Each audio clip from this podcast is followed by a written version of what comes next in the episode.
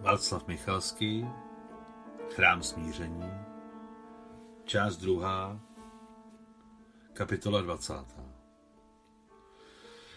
Na konci první dekády února 1942 odplula Marie Alexandrovna s Ivanem Pavlovičem Gruněnkovem do Marseille.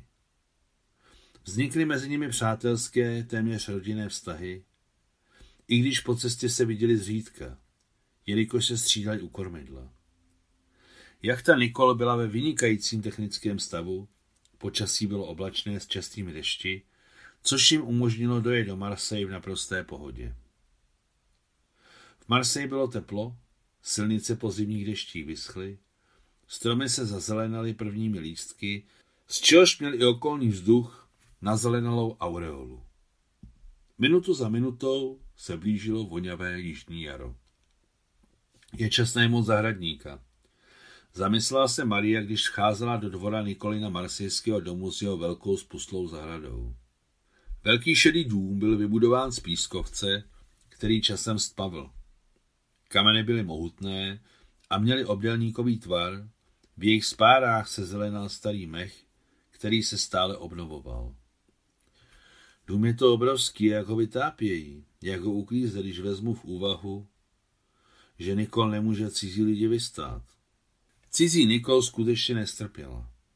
O celý dům se starali jen Topit Žán a jeho žena Žána. Lidé dost v letech, i když ještě stále silní. Složitost jejich života v temném ročním období byla v tom, že jim Nikol nedovolovala být ve své přítomnosti a každé ráno přečkávali daleko za branou vekřoví, dokud Nikol neodejde na hřbitov za Charlesem a večer spěchali zmizet, než se vrátí. Na paní domu se neuráželi, protože podmínky nepřijímali jako panský vrtoch, ale jako projev nemoci.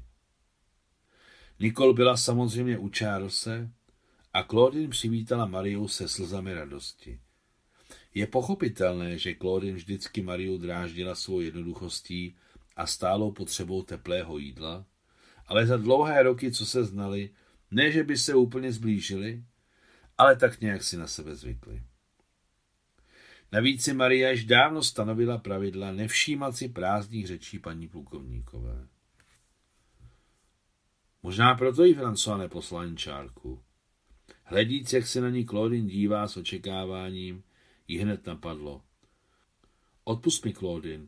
Franco mi pro tebe chtěl dát eh, dopis, ale den před odjezdem ho poslali ke vzdálené poslálce. No tak se stalo. Často spolu o tobě mluvíme. Děkuji, Claudine rozkvetla, utřela si slzy, pořádně se vysmrkala do velkého růžového kapesníku a zeptala se s opravdovou nadějí v hlase. A jí teplé jídlo? Jí, s úlevou pokračovala Maria Velhaní. Vždyť se ho to naučila. Sláva Bohu, sláva Bohu.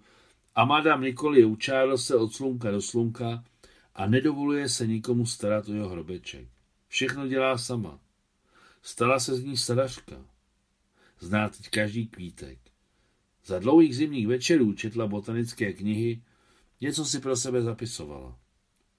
Hm, to znamená, že se zabavila a to ji udrží při životě. Udrží, udrží, potvrdila Claudine. Dokonce u mě začala jíst teplé jídlo. Ne často, ale přece. Stmívalo se.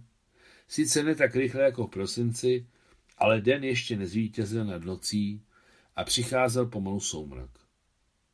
Stromy, které ještě před hodinou stály samostatně, se slily v jednu černou skvrnu. Zítra přivezeme věci, půjdu Nikol naproti. Jdi, jdi, souhlasila Claudine. Mě to zakazuje, ale tobě to zatím nezakázala. Maria potkala Nikol na půl cesty ze Hřbitova. Mlčky se objeli. Nikolino tělo se Marie nezdálo tak malé a troboučké, jako když se loučili. Po prázdné tmavé cestě pod zamračeným nebem bez jediné hvězdičky šly mlčky domů. Ráno Maria již Nikol nestihla. A tak měla Claudine radost, že může s návštěvou posnídat. Protože podle toho, jak skvěle byla uvařená káva a osmažená houska do polévky, bylo znát, s jakou netrpělivostí čekala Claudine na tuto společnou snídaní. Maria zvládla být co nejlaskavější a povídat si s ní. Je samozřejmé, že jejich rozhovor se z velké části točil okolo Françoise, a tak Maria ještě jednou zalitovala, že z něj nevytáhla, i kdyby kousek papíru a nějaký malinkatý dárek pro Claudine. O, já jsem tak zapomnětlivá. Vstala najednou od stolu Maria. Vždyť Francová mi pro tebe ještě před odjezdem dal dárek. Hned jsem tady. Maria došla do svého pokoje, vyndala z kabelky granátový náhrdelník, který u ní Claudine ještě určitě neviděla, protože ho koupila před odjezdem v Bizertě. Tak, tady to je. Ukaž mi svůj bělostný krk. A s těmito slovy Maria připnula na Claudinin krk těžký náhrdelník z velkých prvotřídních granátů. Ponechala omráčenou jejími city a dětsky pružně vyběhla do zahrady. A tady se jí tělo a duše naplnily tak neočekávaným přílevem sil, jaké již dávno neměla.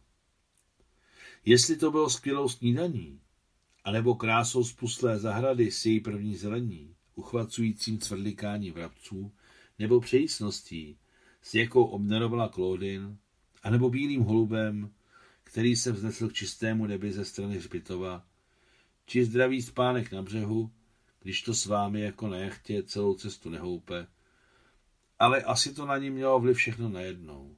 Jak kdysi říkali chůva bába Kláva, dohromady. Jak si vzpomněla na svou milovanou bábu Klávu, představila si chrpy, které se modraly mezi nalitými, ale stále ještě zelenými obilnými klasy voskové zralosti. Vzpomněla si přitom, jak s bábou Klávou na poli dvouhlasně zpívali. Proč jsem tě, můj milý, poznala? Proč si mou lásku opětoval? Celý svůj život až do stáří si Maria nesla ty chrpy pro papá z pšeničného červnového pole. I to, jaký bylo k smíchu poslouchat do vrázčité, sehnuté stařenky o nějaké milém a lásce. Takto s naší pamětí je, že celé roky si pamatujeme jen jako mlhavou vzpomínku, včetně důležitých událostí, a navždy nám zůstanou ostrůvky věcí, jakože malá Máša trhala k narozeninám svému papá chrpy se svou chůvou klávou. Nerozpadnou se, zůstanou neporušené v celé kráse. Možná jsou tyto ostrůvky hlavně body odpočítávání našeho života. Skromné, úplně prosté, ale jasné jako ozářené z vrchu. Maria zvedla ruku nad hlavou a velmi sladce si protáhla celé tělo. Někdo zaklepal tiše, ale přesvědčivě na vrata. Maria otevřela zapadlou bránku. Madame Marimer Zlovska? Zeptal se mladý urostlý černooký muž.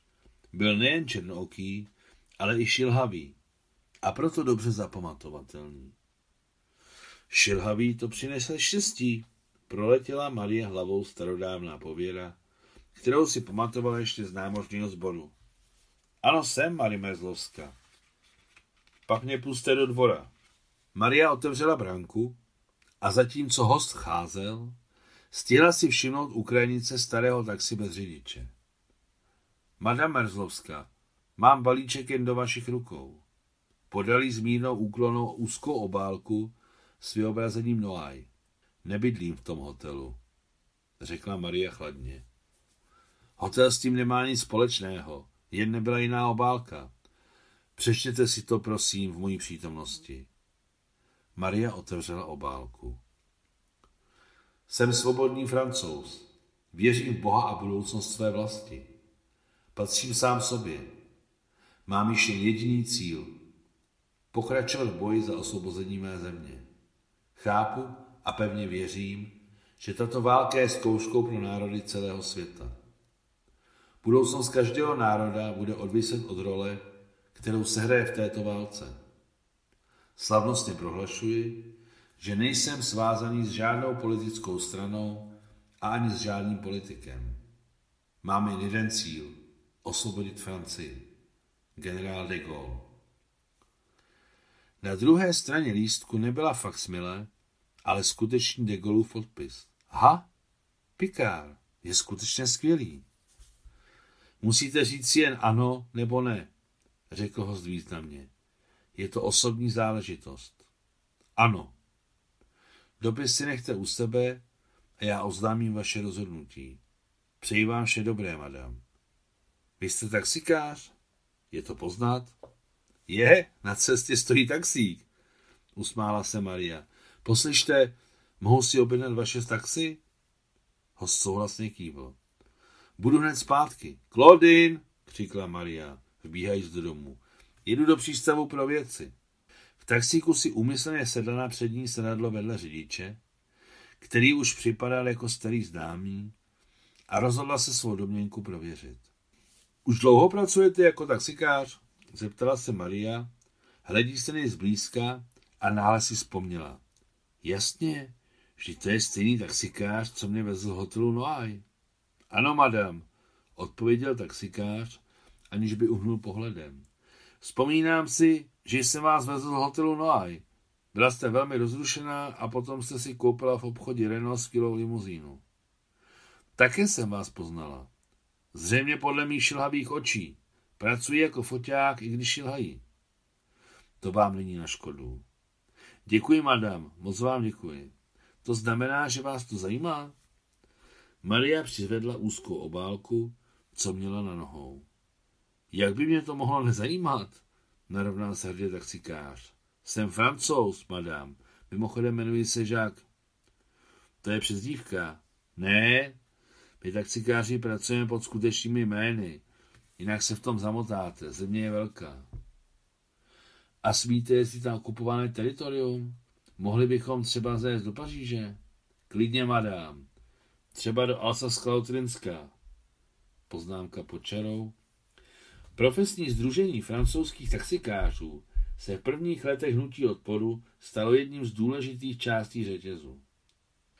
Taxikáři se volně pohybovali jak po Peténovském, tak po hitlerovském území.